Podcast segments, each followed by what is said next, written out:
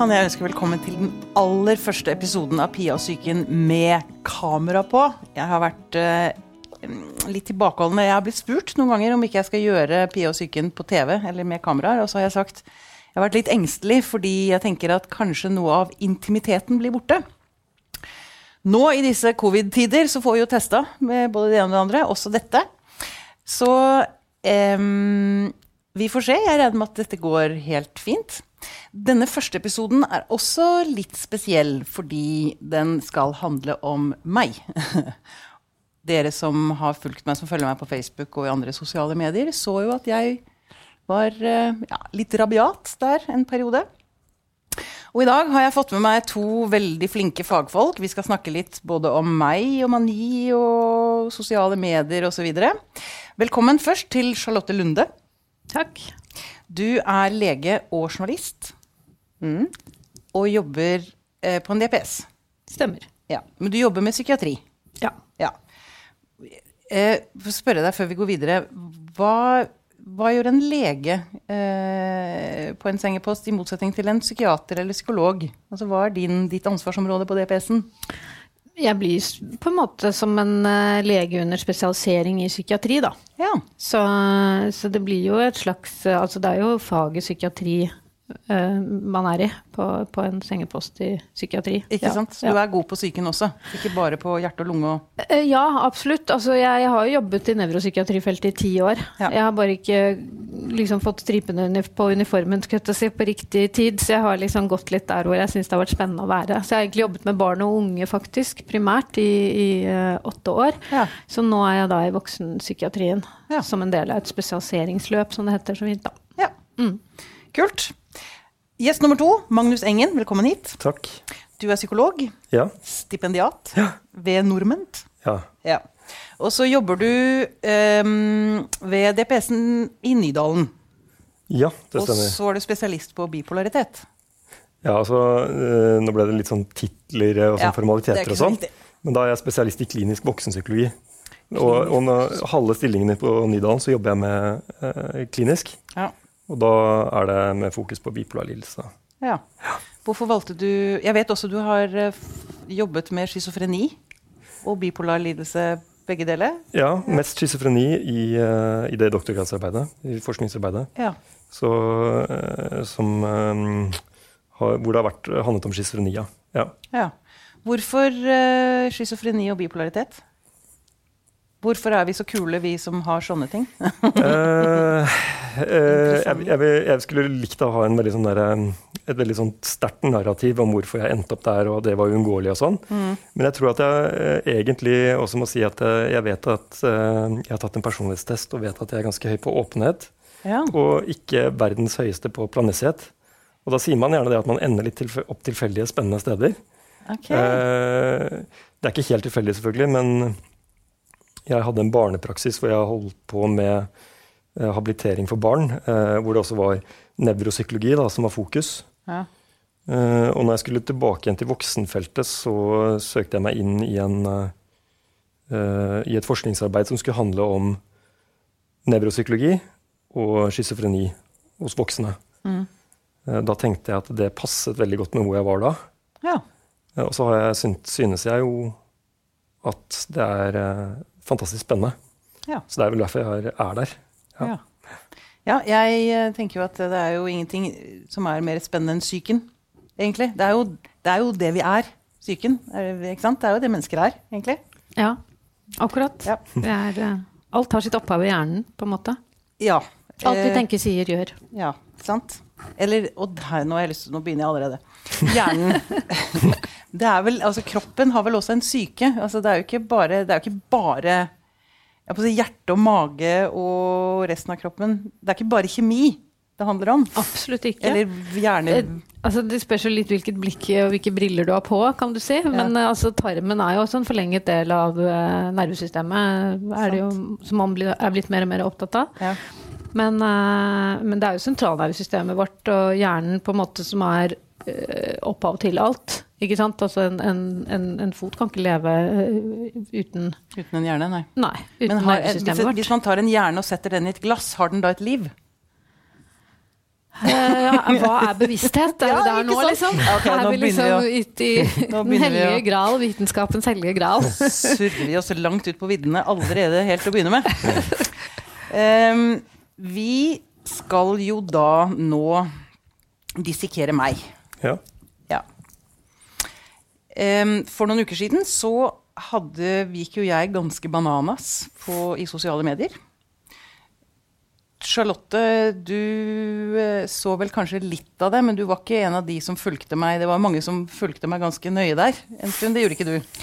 Nei, jeg, jeg så noen av bildene, og så Det var ikke sånn at jeg stusset veldig, egentlig. Jeg, jeg tenkte mer at, eh, at dette er liksom noe Altså dette er litt sånn covid-19-fenomen, tenkte jeg. Å ja. Litt Tenkte sånn. du det? Ja. Hva var det du Hvorfor Nei, jeg tenkte at folk blir litt sånn Når folk er hjemme med seg selv og blir litt sånn opptatt av de små ting og kan legge ut bilder av liksom ting de blir opptatt av i øyeblikk og Ja, litt sånn, sånn, ja. ja. Hente litt sånn sosial respons. Man blir litt mer selvsentrert og- denne tiden Ja, på en måte, tiden? kanskje. Ja. Ja. Så du så ikke noe mani, du, egentlig? Nei, ikke i utgangspunktet. Det var ikke det jeg tenkte. Men så så jeg at det var en del kommentarer. Men det kan du kanskje si noe mer om selv? Ja, ja jeg vet ikke. Men jeg, det, det jeg syns var fascinerende, da, det var jo at jeg eh, visste jo Altså, jeg kontaktet jo legen min noen dager før det liksom toppa seg. For jeg visste at jeg var på vei opp igjen. Og jeg snakket med venner og involverte dem og sa at nå ringer jeg legen, og fikk, eh, vi ble enige om Sobril. Bare så jeg var sikker på å få sove. Uh, og så um, skjedde det jo noe altså, Sånn som jeg husker det, da. Så denne sånn berg-og-dal-bane hvor jeg var på vei opp, opp, opp, opp. opp du vet den første, den første lange bakken man har i en berg-og-dal-bane.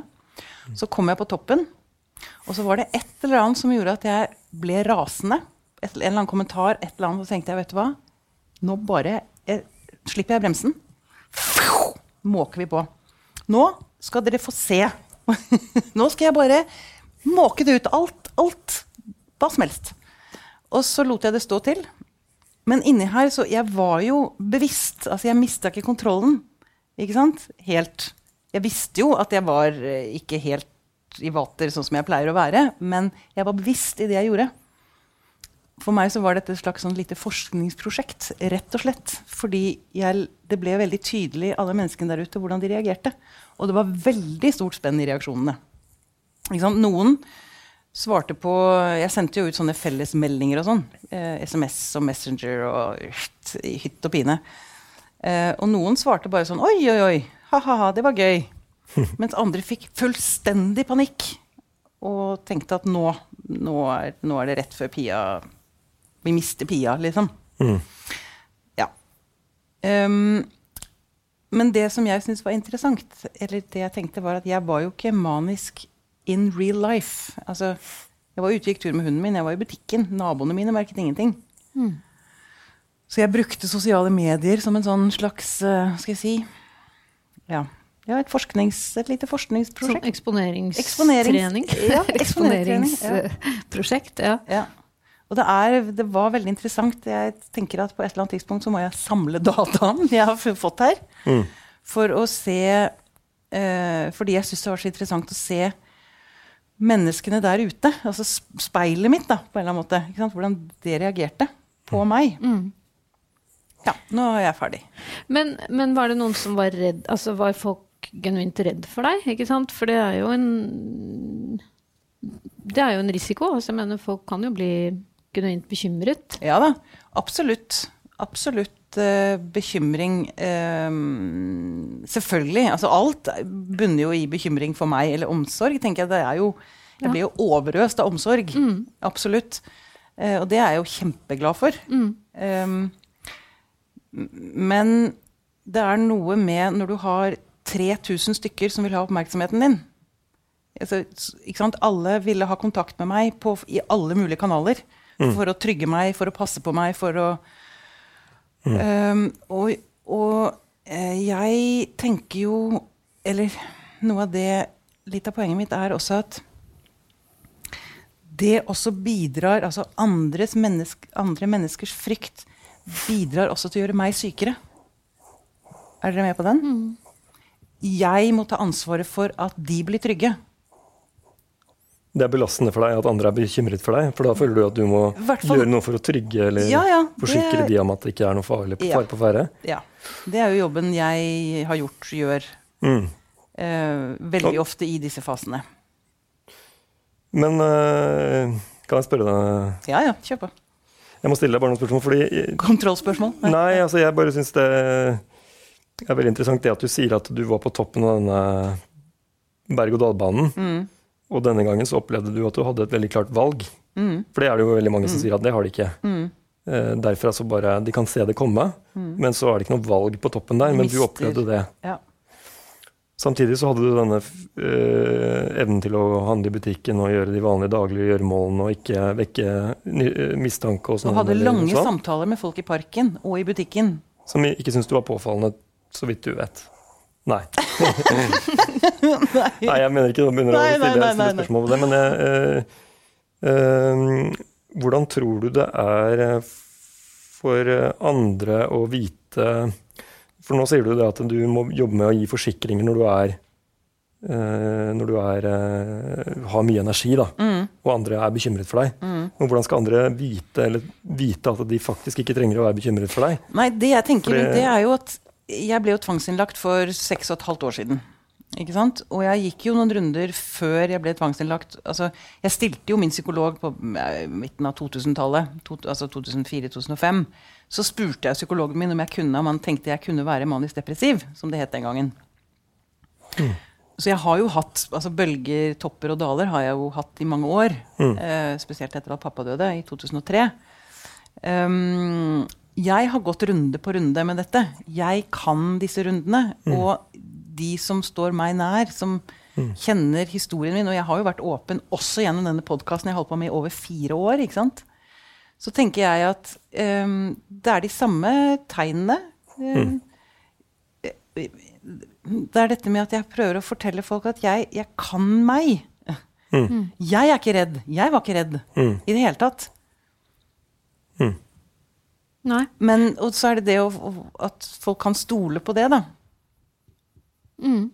Men tenker du at folk noen gang har hatt grunn til å være redd i løpet av disse årene? Altså at Nei. de agerer på en respons på, på ting du kan ha gjort før?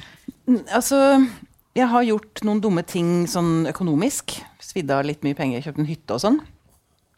Som kanskje ikke var så smart. Um, men selv da jeg ble tvangsinnlagt i 2013-14, um, så mener jeg også at jeg var aldri til noen fare for verken meg selv eller andre. Jeg var, jeg, igjen så var jeg amok på sosiale medier. Mm.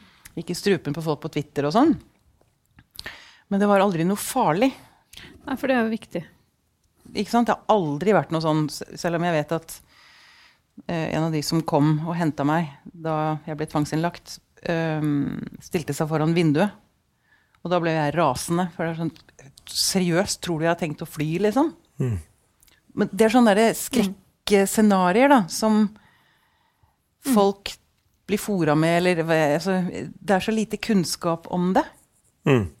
Kanskje mer nå enn den gangen, men jeg bare husker at um, ikke sant, han legen som kom da, sammen med disse to fra akutten og sånn Jeg strakk ut hånda for å hilse, og det ville han ikke. Han møtte ikke blikket mitt. Ikke sant? Han satt bare og noterte, observerte. Ja. Var det nå? eller? Nei, det er var seks, Mm, mm. år siden. da. Mm. Han ville ikke hilse, og, og det var ikke Nei, det var covid-19-krise engang. ikke noe virus eh, ute og flagra den gangen. Bare uhøflighet å skylde på. Ja, eller frykt. Jeg tenker han var redd. Ah, ja. Ung lege fra legevakten en lørdag formiddag. Ja. Sant? Og det tenker jeg, den frykten Mm. blir jo mitt problem. At andre rundt meg er redd, eh, blir mitt problem. Mm. Det er kanskje noe av det jeg også driver og prøver å liksom synliggjøre. da. Mm. Mm. Det er ikke mitt problem at du er redd. Mm. Mm. Når ikke folk stoler på at jeg sier jeg er trygg. Jeg er ikke, altså, ok, jeg driter meg ut på nettet. Det har jeg gjort 100 ganger før. Mm. Så virkelig. Jeg har ikke mer å tape. ikke sant? Det er ikke, det er ikke noe krise Mm. for meg å legge ut dumme bilder av uh, noe greier. Eller skrive noe dumt. eller, ikke sant? Mm. Det er ikke noe farlig. Mm. Men de der ute syns det er farlig. Mm. For de blir redde for at jeg skal drite meg ut. og ja. Så kan det jo hende selvfølgelig at jeg ramler ned i den dype, mørke skamhulen Mm. nå, når jeg nå etter hvert begynner å gå ned igjen. Mm. Og det får jeg ta den. Det har jeg gjort før også. Jeg har vært gjennom dette noen runder nå. Mm. Men det som jeg tenker litt sånn generelt for å forsvare de som er bekymret, da, for at av og til kan det jo bli så mørkt at man er redd Altså at, man, at det blir så mørkt at, uh, at det kan være farlig, på en måte. For Men det er på andre siden. Ja. Det er på nedsiden. Ja. Der er aldri folk redde for meg. Nei, ok. Mm. Nei, det har aldri vært noe, aldri vært noe suicidalitet i Nei. Men denne, du, hva var innsikten du sitter igjen med etter, denne, etter dette forskningsprosjektet ditt? da? Det er litt tidlig å si sånn helt veldig klart og tydelig, men øh,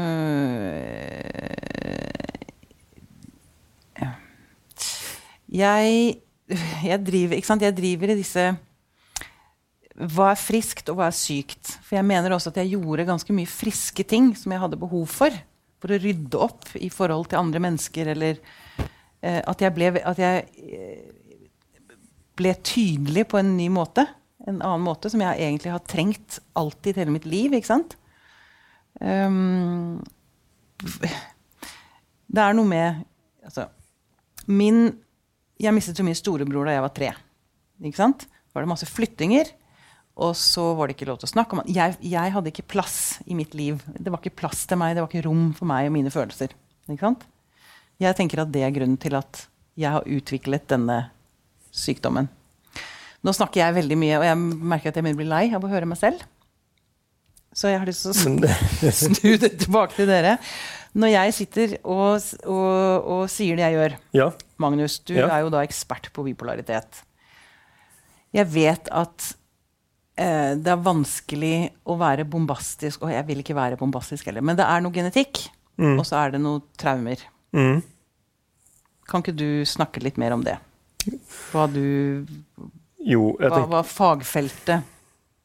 jo, jeg tenker at eh, akkurat når det gjelder bipolar lidelse, så det, har det lenge vært veldig mye snakk om genetikk. Ja. Og det er noe alle får høre. Mm. Og jeg må jo også si det at eh, jeg har jo jobbet med mm, mange forskjellige eh, pasientgrupper. Og eh, nå jobber jeg med en gruppe da, som er selektert litt mer pga. at de har nettopp bipolar lidelse. Mm. Jeg vil bare si det først, at noe av det som slår meg ved det, er jo det, nettopp dette med at eh, det er en eh, mer påfallende tendens til å ha en familiehistorikk med bipolar lidelse når man intervjuer folk som har den diagnosen. Man Ja, at man også- ser at det ligger i slekta, liksom? Min far hadde bipolar lidelse, Ja. jeg har en tante som har bipolar lidelse. Dette er noe som vi kan se i min slekt. Mm. Og det er eh, eh, noe man kan stole på ut fra sånne statistiske fakta og sånn, og se at det er gjort studier på det som viser at sånn og sånn, men det er også noe ved at det er også en kvalitet ved det at uh, du merker det også i, i det når du gjør anamnestisk intervju med pasienter. Altså du, Hva, sa du for noe? eh, du gjør anamneseintervjuer med pasienter, eller du intervjuer pasienter Ja. om deres historie og deres familie og sånne Ja. ting, får litt bakgrunn, ja. så ser du gjerne at det er en eh, Min erfaring er at det er ganske påfallende der også. At det, går i familier, da. ja men det går, da sier du, da er det genetikken. Nettopp. Og, så, og så er jo det samtidig dette her med at eh, selv om det da viser seg å være et, sterkt innslag av arvide, eller at det er et sterkt innslag av arv i det, så er det ingen genetisk sykdom i den betydningen av at man så, hvis man har den arveligheten, så eh, er det en godt forstått genetisk avgrenset sykdom som slår ut og, og rammer personer. Eh, personer eh, man tenker seg også at eh, levd liv med en rekke risikofaktorer spiller inn. Mm. Og hvordan man skal tenke om det i møte med et enkeltindivid som har disse problemene med perioder med oppstemthet og nedstemthet. Mm. Hvordan man skal tenke for akkurat dette individet om hvordan det henger sammen der. For det individet, det er et veldig stort problem. Det er et stort problem fordi Eh, det altså, eller sånn, kan jeg bare, mm, hvis, hvis jeg forstår det rett, da, eller Mm. sånn som jeg tenker om dette, så har jeg en disposisjon. mm, Og så har det skjedd meg ting i livet som gjør at det har slått ut. Det er det jeg har hørt andre steder også. At man Ja. kan ha disposisjonen uten at det blir trigga. mm. Det er, eh, det er tenkningen om det. Og Ja. det, det, det, er, det, er sånn, det er den modellen og forståelsen av bipolar lidelse som jeg tenker gir mest mening, basert på det vi vet nå. Ja, ja. Eh, Men så er det jo sånn at men når jeg sier dette her med ett enkelt individ, så er det jo også og, eh, det at man eh, vet jo også om personer som eh, har en veldig tydelig eh, og plagsom bipolar lidelse uten at de har, er rammet av veldig klare risikofaktorer. Mens Og da, når du sier klare risikofaktorer, så mener du F.eks. av barndomstraumer, Ja, sånn, ja. okay, eh, veldig stressende livshendelser som kan ha påvirket utviklingen Ja. og tippet det i den retningen, på en måte. Så er det også de som eh, og, og en måte å tenke om det på er at for hvert enkelt individ så vet du ikke nøyaktig hva det arvelige innslaget er for det individet. eh, Eller hvordan, hvordan, det har, eh, hvordan det har rammet akkurat den personen som sitter foran deg. Eh, Jeg nevnte for det når vi snakket om det tidligere, at en av de mest leste sånn selvhjelpsbøkene for bipolar lidelse på, på et engelsk språk da, som heter The Bipolar Survival Guide, som er er kommet ut i ny utgave, så står det nettopp også det at det er en forklaring til leseren som jeg tenker er ganske god. Og det er det at eh, ja, dette her med det arvelige innslaget er veldig stort. Men samtidig så er det også slik at eh, det produktet, altså det at noen har en bipolar lidelse, som er liksom diagnosen, dit kan man ha kommet ved å ha slått hodet sitt, antagelig. Og man kan ha kommet hit ved å ha eh, en veldig belastende og traumatisk bakgrunn. Eh, eller man kan ha kommet hit uten å ha så veldig mange sånne risikofaktorer, men ha et veldig en veldig sterk genetisk sårbarhet. Ja. Der er det Så, egentlig til syvende og sist, vi vet jo ikke. Dette, det, er jo, det er jo teorier, antagelser vi driver og Men det store på gruppenivå, det store uh, arvelige innslaget, Mm. der ser man at bipolar lidelse skiller seg ut fra andre Ja. psykiske lidelser. Akkurat. Så eksempel hvis, I noen oppsummerende studier hvis en hvis variansen da, altså Nå blir det veldig sånn teknisk her, men hvis, Ja. hvis, en, hvis, vi, hvis man tenker seg at uh, forklart varians av en Forklart varians. Ja. Uh, Det er uh, på en måte hvor mye, hvor mye arvematerialet ditt forklarer av at du har en type lidelse. Ja.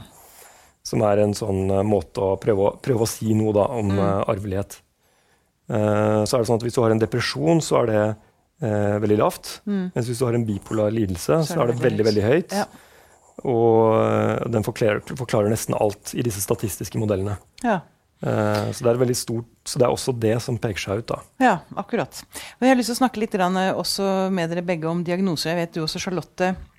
Altså, jeg håper at man etter hvert nå begynner å gå bort fra disse boksene man gjerne skal ha folk inn i. Eh, om det er eh, bipolar eller schizofreni eller eh, angst. Altså, vi har veldig lyst til å sette Jeg har en opplevelse av at helsevesenet gjerne vil ha en merkelapp, også på meg, en diagnose, og så får du medisin, og så fors er du ferdig. Ikke sant? Eh, Nå setter jeg det veldig på spissen. Men disse diagnosene, det er ikke, det er ikke bare gode, godt å si om dem. Diagnostiseringen vi driver og holder på med hele tiden. Boksene vi skal ha folk inn i. Nei, ikke sant? nå er det jo sånn at medisinen er på en måte sånn øh, Psykologien, i hvert fall den øh, Ja, psykologien også, til en viss grad. Det er jo, kommer jo fra en øh, naturvitenskapelig tradisjon. ikke sant? Og det er i psykiatrien at man møter liksom samfunnet og miljøet rundt på en annen måte i en Altså, miljøfaktorer kan selvfølgelig spille inn for hjerte-karlidelser og en rekke somatiske tilstander også, det er ikke det. Men, men eh, jeg tenker jo litt at eh, medisinen er en naturvitenskap som har behov for å klassifisere, den har behov for å kategorisere, den har behov for å liksom, studere like ting Ja. eh, av gangen for å si noe generelt om, om, om like ting. og at de det har man eh, Det er liksom nødvendig også. Til en viss grad, ikke sant? Men et menneske er ikke eh, eh, som en, en, en blomst eh, eller en spesiell type plante som til enhver tid oppfører seg på en veldig sånn endimensjonal og forutsigbar måte.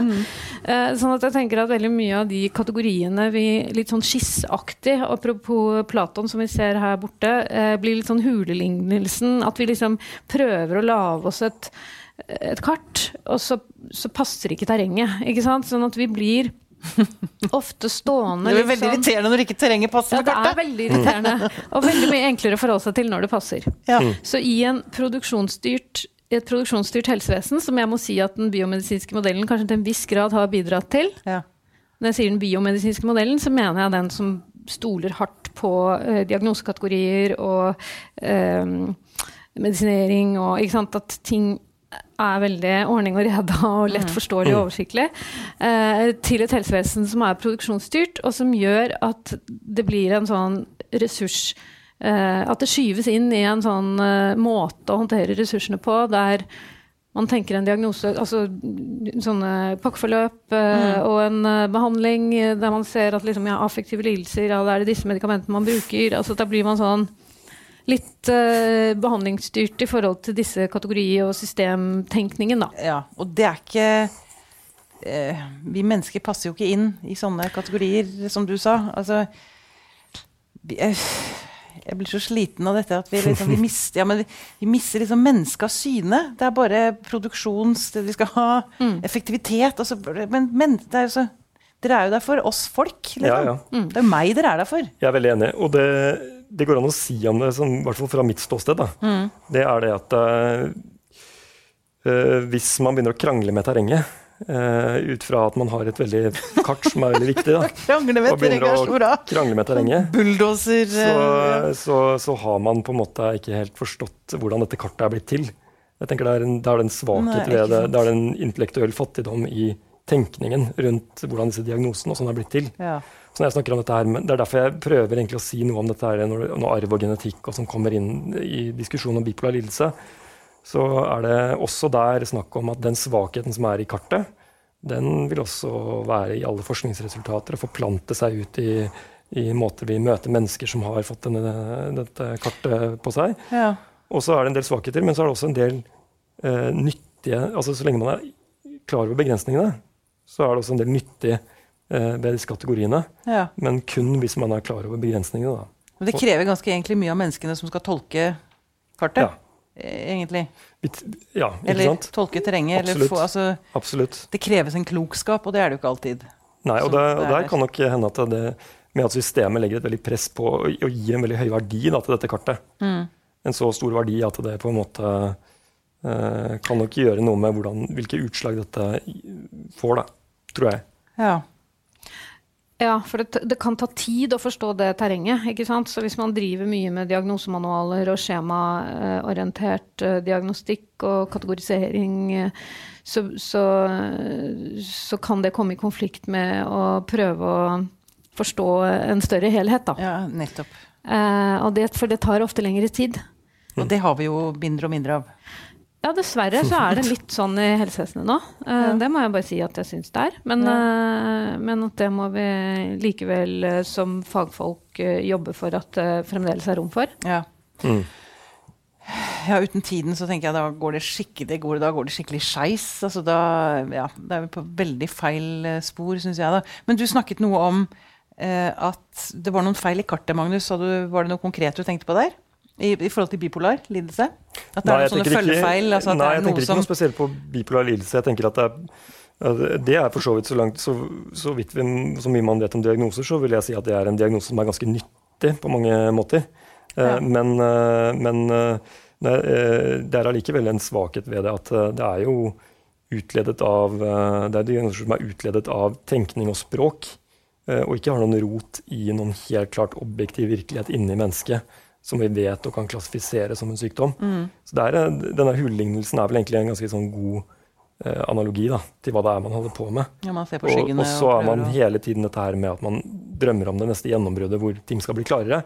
Ja. Det har man jo snakket om eh, ganske lenge, og man prøver jo på det. Og jeg syns det, det, er en edel målsetting uh, å ha. Uh, men så er det liksom noen som uh, Hvis man opptrer som om disse diagnosene allerede er der, som om de allerede er blitt helt sanne mm. sanne objektive størrelser, mm. så mister man jo den evnen til å se mennesket som ikke helt passer med kartet ditt. Og da får man ikke justert seg. Ja. Det er litt mer det jeg tenker at det gjelder også for bipolar lidelse, selvfølgelig. Ja, men ikke sant, for du snakker om å kurere. Eh... Snakker jeg om det? Nei, ja, du, du, ordet kuré det, det, hang seg fast uh, hos meg. da. Ja. Altså, det store gjennombruddet. Man skal forstå, og det regner jeg med da at fordi man vil kurere. Ikke sant? Det er vel derfor man vil ha gjennombrudd, er det ikke det, da? Gjerne. Eh, ja. Jeg har lyst til å spørre dere, eh, eller eh, Jeg så jo denne, denne fantastiske dokumentaren til Stephen Fry, en annen bipolar, Ja, ja, ja. ja, som kom ut for mange år siden. Hvor han reiste rundt og intervjuet andre som hadde bipolar lidelse. Og han stilte dem spørsmålet hvis dere kunne trykket på en knapp og blitt kvitt sykdommen, ville dere gjort det? Og det var overraskende mange som sa nei. Fordi oppsiden i, de, i den fasen jeg er nå, da Mm. eh, Klin gæren, altså. Eh, manisk og ja. Eh, oppsiden er jo veldig mye kreativitet og driv og Ikke sant? Får gjort veldig mye. Um, og jeg er heller ikke sikker på om jeg ville blitt kurert. Nei. For meg så handler det, det er som en så stor del av meg, på en eller annen måte. Mm. Og jeg har også det, Vi snakker så vidt om det. Dette med altså friskt, sykt, eh, galskap eh, Altså hvor det er, Vi har ikke så mye. Altså, jeg har lyst til å være litt gæren. Kan jeg få lov til det? Men seriøst. Jeg mener det. Helt, virkelig helt seriøst. Jeg er så lei av at folk skal prøve å presse meg inn i en sånn Nei, men Pia, nå er du ute på viddene. Ja. And? Det er ikke noe farlig, det. Nei. Og jeg syns det er ganske trangt i Norge. Da snakker du om det sosiale presset på å være normal? Eller snakker du ja. om ja. Eller Eller hva var Jeg tenker det nesten må være det. Nå er du lege, du holder, vet ikke hvor mye som du holder på med sånn tvangsvurderinger og sånne ting, men terskelen i Norge nå ligger jo ganske høyt for for at vi griper inn eh, Ja. med, med tvang, i hvert fall. Ja. Eh, så det, det er derfor jeg spør om det er det, den, de sosiale forventningene eh, til hvordan man skal oppføre seg, du tenker på? I- ja. Ja. I, I motsetning til I motsetning til det som handler om tvang, da, var det jeg lurte på, egentlig. Ja. Um, ja, altså terskelen var jo vesentlig lavere den gangen jeg ble tvangsinnlagt. Ja. Det, det kunne de ikke gjort i dag, tror jeg. Nei. Nettopp. De var jo hos meg igjen nå. mm. akutteamet. Mm. Vi skulle vært der litt, noen, noen år før. Så hadde det gått. De skulle vært der noen år før. Ja, hadde hadde vært der noen år før, så hadde de kanskje klart det. Nei da. Det var en, det var en veldig hyggelig opplevelse, det, altså. De var Ja. veldig hyggelige, de som kom. Og de, i motsetning til de som var der gangen før, for seks år siden, disse to snakket eh, med meg. De andre snakket til meg. Stor forskjell. De andre for seks år siden sto og betraktet meg, observerte meg, som om jeg var et dyr i bur.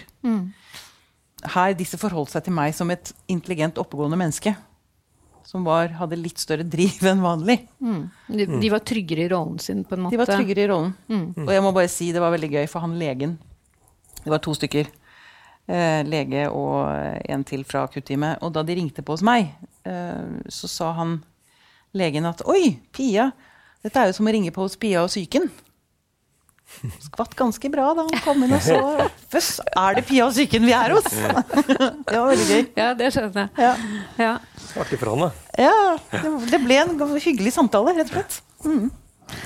Nei, men jeg, jeg tenker jo at uh, psykiatrien altså Det er jo en grunn til at det er et utrolig spennende fag. Det er jo fantastiske mennesker man møter på alle sider av bordet i psykiatrien, syns jeg. Altså, det er jo derfor jeg er der. Det er utrolig Vi jobber med hjernen, vi jobber med psyken, og det er på en måte litt sånn at vi Altså at vi alle har et spekter av Vi vet jo alle Alle mennesker vet hva angst er. Alle mennesker har smakt på hva det er, er å være lei seg. Ikke sant? Altså at vi har alle et spekter av følelser. Og så er det noe med at uh, de kan bli uh, for noen da, invalidiserende i forhold til Ja. hvordan man håndterer dem. ikke sant? Og så, og så har vi diagnosekategorier for å liksom beskrive hvordan altså På et eller annet nivå så er jo all psykiatri egentlig dysregulerte følelser, på et vis. Er du Ja. enig i det? Jeg er enig i det. Ja, ikke sant? Mm. Eh, ikke sant? Er Dere et, bruker så fine uttrykk, det er ja, så- altså, følelser på avveie, da. Ja. Som man ikke klarer å håndtere på et eller annet nivå. Eller, uh, sånn at Uh, jeg tenker at uh, diagnosene har en funksjon i forhold til liksom hvilken retning vi skal tenke hjelp, fordi man i grove grupper har sett at eh, denne hjelpen kan hjelpe mot dette, og denne hjelpen kan hjelpe til dette. Men, men igjen da, dette terrenget og kartet som ikke passer, det å hele tiden liksom tenke fleksibelt og tenke um, eh, åpent om sine vurderinger. Det tenker jeg er minst like altså en ting Du snakker om deg selv med diagnosen og hvor viktig det er for deg å kjenne deg og hva, hva du føler på, men det er også viktig altså, jeg tenker Som hjelper så må man også være godt kjent med seg selv. Ikke sant? Ja. At man også må um, hele tiden liksom reflektere rundt om ens vurderinger er riktige, da. Mm. Uh, uh, ja. Og, det... så, og jeg tenker at dette, det som irriterer meg liksom litt med systemet av og til, bl.a. i forhold til behandling, er jo det er jo, Når det gjelder systemet, så er det jo også makt og politikk. Og det vet vi jo i forhold til diagnosekategorier og hvilke grupper, pressgrupper som finnes der for å lage diagnosekategorier. Mm. Eh, og hvilke medikamenter som rettes mot ulike kategorier. ikke sant? Og hvordan en del av eh, mm. toneangivende psykiatere har, har, sterke bånd til psykiatrien. Det er jo på en måte den spesialiteten. altså APA, American Psychiatric Association, er jo den spesialistorganisasjonen som har tettest bånd til legemiddelindustrien. Eh, sånn at det er mye politikk og makt her også. Som, mm. Det er ganske skummelt. Mm. Ja. Eh, og som vi ikke skal undervurdere eh, i dette, da. Mm. Eh, sånn at Jo, det var det jeg skulle si. at dette generaliserte, som jeg blir litt sånn irritert på eget fag av og til, er når vi skal rette en medikamentell behandling da, mot en tilstand, så tenker man veldig fort ja, en så stor gruppe har hatt nytte av dette medikamentet i den dosen, så da må vi ha den dosen. Og så begynner man rett på ganske høye doser. Altså Medikamenter kan være veldig nyttige Uh, i flere sammenhenger. Men det der å gå rett inn på at man da må ha et uh, visst nivå i blodet av dette medikamentet for at det skal virke, uh, for det har man sett i, i statistiske Altså i studier, mm. det blir en sånn forenklet tenkning, da. Mm. Jeg tenker at Det er mye nyttigere å tenke at ok, denne medisinen vet vi virker på gruppenivå, for dette skal vi prøve litt først, og så heller titrere oss sakte, forsiktig opp, og så hele tiden være i en dialog om hva som er Der går vi på tiden igjen. Man skal fikse ting fort. Mm. Og da går man kanskje høyere i mm. dosen enn man egentlig trenger. Ja, eller man tenker litt sånn firkantet i forhold ja. til at uh, Felleskatalogen sier at man skal ha uh, dette stoffet opp i et serumnivå mellom sånn og 10 og 20, sånn, altså, liksom, mm. og da må vi starte på 200 milligram, og så pang, og så er folk uh, litt altså, jeg tenker Det som jeg syns er interessant med covid-19 nå, nå har hele verdens forskningsforstørrelsesglass vært på dette viruset. Mm. Og så ser vi hvor ulikt det oppfører seg i ulike mennesker. Ja. Ikke sant? Og det gjelder jo ikke bare for covid-19. altså Mennesker er individuelle biologiske systemer mm. med variasjon, mm. også innenfor andre sykdomsbilder. Uh, så det syns jeg er litt sånn et interessant bilde på, ja. på hvor ulike vi er, tross ja. alt. Selv om vi studerer ting på gruppenivå. Ikke sant? Jeg har bare lyst til å igjen, altså det, det, skjer så ofte i episoder. Jeg tenker, å, Vi kunne snakket i to, tre timer om dette. Jeg skulle gjerne Skal vi vri over til korona nå? Ja. Det, det, ja. det, jeg har lyst til å vri over til, er den som jeg også syns har vært veldig interessant, den kollektive tvangsinnleggelsen. Har, vi har sett i Norge og resten av verden, store deler av verden, mm. som jeg syns var veldig altså, For meg så handlet det da, Nå får folk smake på hvordan det er å miste friheten sin. Det tålte ikke alle så veldig godt. Dette at nå blir man begrenset i sin Får ikke bevege seg på samme måte som man er vant til. Hva tenker dere har skjedd sånn på gruppenivå? Hva har skjedd med norske psyken gjennom denne dette vi har vært igjennom, eller er igjennom, er i? Med denne jeg tenker det er to eh, ting. Altså, eh, det ene er apropos teknologi, som vi snakket litt om i sted. At teknologi kan være noe fint. Altså mm. At teknologi har holdt oss i forbindelse med hverandre. Nødvendig forbindelse, på en måte. Mm. Eh, og så tenker jeg at vi har erkjent og skjønt at vi faktisk også trenger hverandre. At vi er liksom grunnleggende sett flokkdyr. Mm. Ikke sant? Altså, Freud snakket jo om dette, at liksom gruppen det er vår ultimate tilstand. Veldig mye av det vi gjør, gjør vi i forhold til en gruppe. Enten det er å søke vekk, eller det er å søke, søke til. til. Mm. Uh, og at uh, vi, vi, trenger hverandre i IRL, da, altså i virkeligheten. Vi trenger å se et ansikt uh, at noen beveger seg altså at, at, det er en kontakt, da. Mm. Ikke sant? Som er noe mer enn på en sånn eh, Zoom-møte, altså på en skjerm. Ja. Mm. Og at det vi da ikke har hatt Altså når vi ikke har det, så erkjenner vi at vi trenger det. Så jeg tenker at den der uh, erkjennelsen av at vi trenger hverandre fysisk, uh, og en, i en fysisk virkelighet, Eh, den er større, tror jeg, hos Den har vi mange. fått sett ganske tydelig Ja, nå, ja, hvor viktige vi vi er for for nå. hverandre, vi mennesker. Ja, og hvor du bare ser ute nå, hvor du har begynt å slippe opp litt med uteservering bare Mm. utenfor her i dag. Og altså, det, er ikke, det er ganske mange som ikke beveger seg med en meters avstand. Og, altså, Ja, ja. Det er mange, mange ute. Ja. Men vil vi få eh, si, senvirkninger, tror, eh, tror dere? Av, eller har det skjedd noe med psyken sånn grunnleggende, eller vil vi bare gå tilbake til Vil vi bare gå tilbake til der vi var når dette er over, liksom? Har det skjedd noe Har vi skjønt noe mer? Har vi Setter vi mer Jeg tror ikke jeg har skjønt noe mer enda. Du har ikke skjønt en Nei, for jeg skulle akkurat til å si jeg har ikke tenkt så mye på det spørsmålet, så det slo meg når eh, eh, du snakket at jeg har nok vært fanget i den der koronaboblen litt selv. Ja. Jeg, jeg har selvfølgelig tenkt over at dette her er veldig spesielt, altså. Eh, men jeg må si at eh, eh, da dette virus eh, Da det ble kjent hvor stort omfang det ville bli av denne eh, epidemien, eh, eller pandemien, da, som det heter, eh, så eh, Det var jo en veldig spesiell opplevelse å se hele samfunnet altså Se så mye nytt skje i samfunnet for første gang Mm. som du aldri hadde forventet deg. Eh, det må jeg si eh, jeg har tenkt på i ettertiden, at det rokket, tror jeg, ved grunnvollen av en eller annen sånn trygghet i samfunnet, uten Ja. at det skjedde noe Det aller mest dramatiske slo ikke til. Men allikevel, den første gangen Vi plutselig plutselig fikk skrekken. Altså, vi skjønte plutselig hvor sårbare vi var. Ja, nå stenger vi alle barnehagene og skolene. Ja, ikke sant? Det, da, da gikk det litt sånn frysninger nedover ryggen på meg, altså. Ja. Eh, ikke fordi at jeg tenkte nødvendigvis rent sånn objektivt at nå har det skjedd noe helt forferdelig, men det var jo noe med eh, at det inntrådte en ny virkelighet veldig brått, som du Unntakstilstanden. Ja, ikke sant? Mm. Men, og det var så akkurat annerledes. det tenker jeg må være det, det Jeg liker jo det at vi, at vi eh, innser hvor utrolig sårbare vi er. Mm. For det henger jo sammen med å sette pris på Altså verdsette livet. Mm. Så sårbarhet uten altså, vi, Det er akkurat som Spesielt vi i Norge som sitter liksom på toppen av verden. Vi er så beskyttet på alle mulige bauger og kanter av teknologi, av helsevesen. ikke sant? Vi blir jo bare, ikke sant? Og så plutselig så er det whoosh! Mm. Så, er, så er vi akkurat i samme båt, alle mann. Det, er, eh, det syns jeg er en helt sånn fascinerende Som jeg håper at vi klarer å ta med oss videre Mm. etter dette. Alle har eh, måttet liksom kjenne litt på sin egen eh, dødsangst. Og Sant. det er mange joggere som er ute og løfter den om dagen.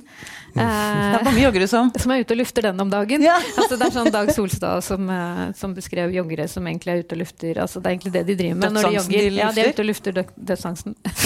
Morsomt. uh, men iallfall så, så tenker jeg også at eh, veldig mange også har fått smake på sosial isolasjon. Ikke sant? Mm. At eh, det å være med seg selv, og være med hvordan man har det, om det er om man er litt engstelig fra før, så har man i hvert fall eh, kunnet liksom eh, forstørre det opp. Eh, om man føler seg litt ensom fra før, så har man også i hvert fall kunnet forstørre det opp. Ikke sant? Sånn at man er blitt eh, Jeg diskuterte dette med en venninne som har skrevet om det. at eh, alle er blitt litt sånn mer av sin nevrotiske side.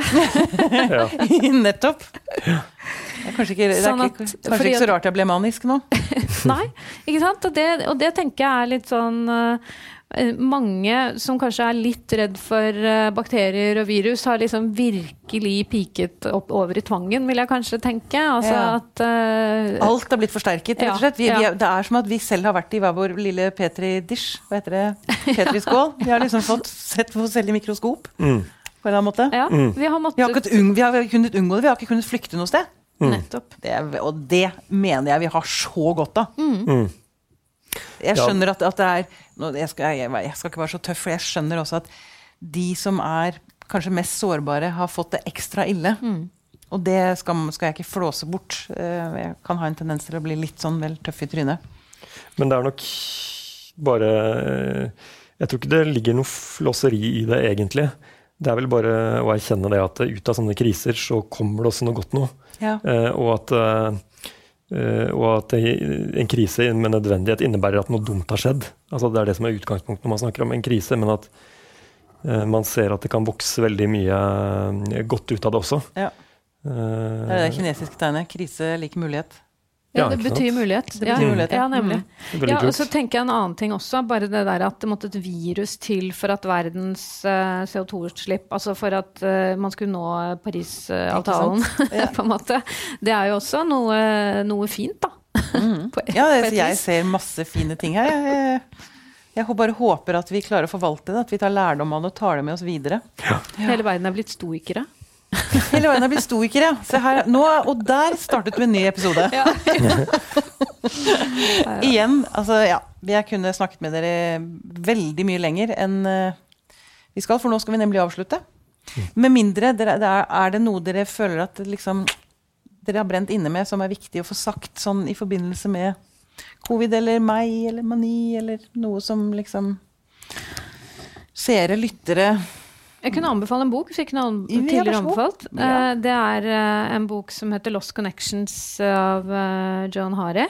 Noen okay. av dere som kjenner til den? Ja, jeg har hørt om den. Ja, for den handler veldig mye om at vi mennesker, vi er eh, ja, dette flokkdyrelementet, da, ikke? Ja. som vi har fått en erkjennelse av nå gjennom covid-19, at vi trenger hverandre. Altså at når, når systemene blir mer og, sånn, mer og mer sånn at de kategoriserer oss og at, eh, og medisinerer oss og tenker mer og mer sånn boksaktig, så mister vi, så blir det også noe med fremmedgjøringen, og vi mister liksom forbindelsen litt til hverandre, og hvordan den er eh, viktig og vitaliserende for oss alle. da. Eh, og det er vel litt det man ser nå, med at folk liksom strømmer ut etter eh, at det er sluppet opp litt etter ja, ja. covid-19. At, Ja. at man lengter etter kontakt med verden og hverandre.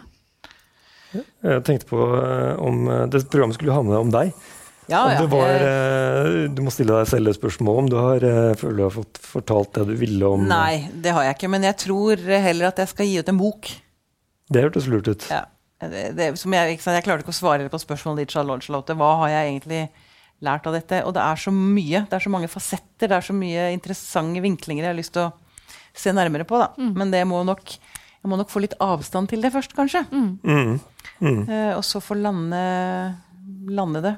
Sakte, men sikkert. Men jeg tenkte bare på én ting, og det er den der um, bekymringen som du opplever hos andre. Ja. Som du føler at du, du blir stående og bryte med selv. Det blir litt ditt problem. Eh, ser du for deg at det jeg, jeg, strever litt med å se for meg at det vil komme en veldig god løsning på det. Løsning på Eh, at, eh, den bekymringen vil legge seg rundt mennesker som på en måte har hatt store problemer med, eh, med å være f.eks. oppstemt og ha gjort ting de angret, angret på osv. Jeg vil jo ikke at folk skal slutte å bekymre seg. Ikke sant? Virkelig Nei. ikke. Og det er, det er et viktig poeng. Selvfølgelig. Og altså, apropos dette at vi trenger kontakt med hverandre. Mm. Vi er jo laget, vi mennesker, for å ha kontakt og passe på hverandre. Ja. Det er jo sånn verden jeg vil ha. Men tenker du at det er en måte det går an å være bekymret på som For nøkkelen må vel da være at folk må få lov til å ha en bekymring for et medmenneske som de vet i perioder har det vanskelig. Mm.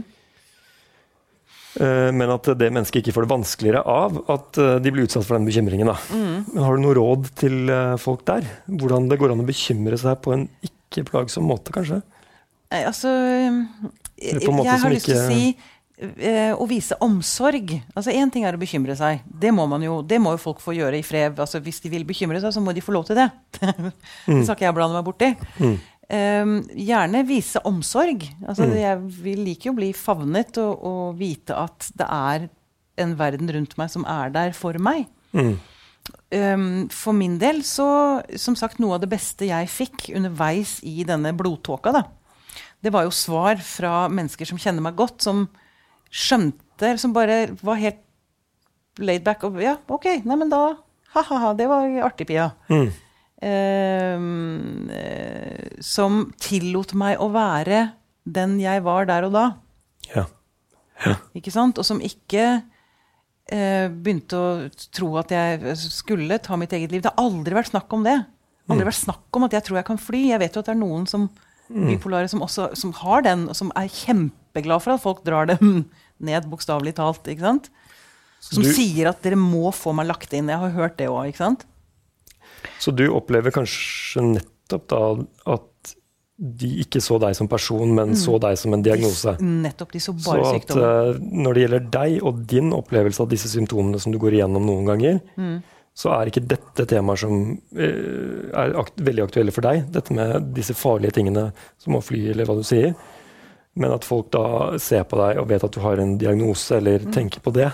Og at du derfor blir møtt på en dårlig måte. da.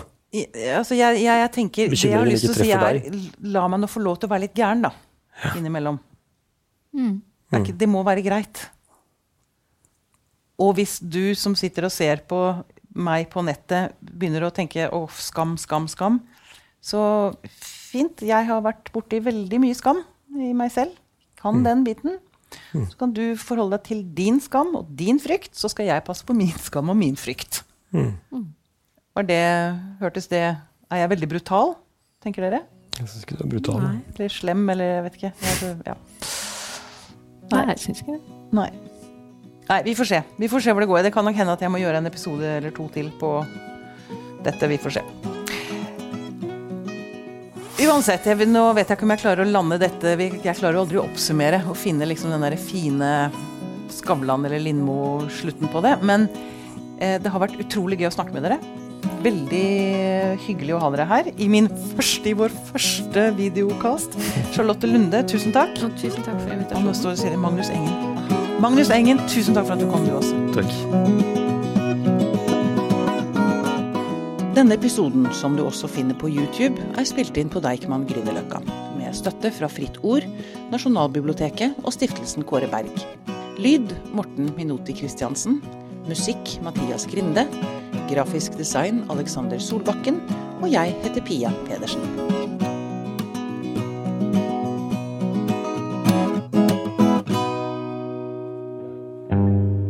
Podkasten er produsert av Tid og Lyst.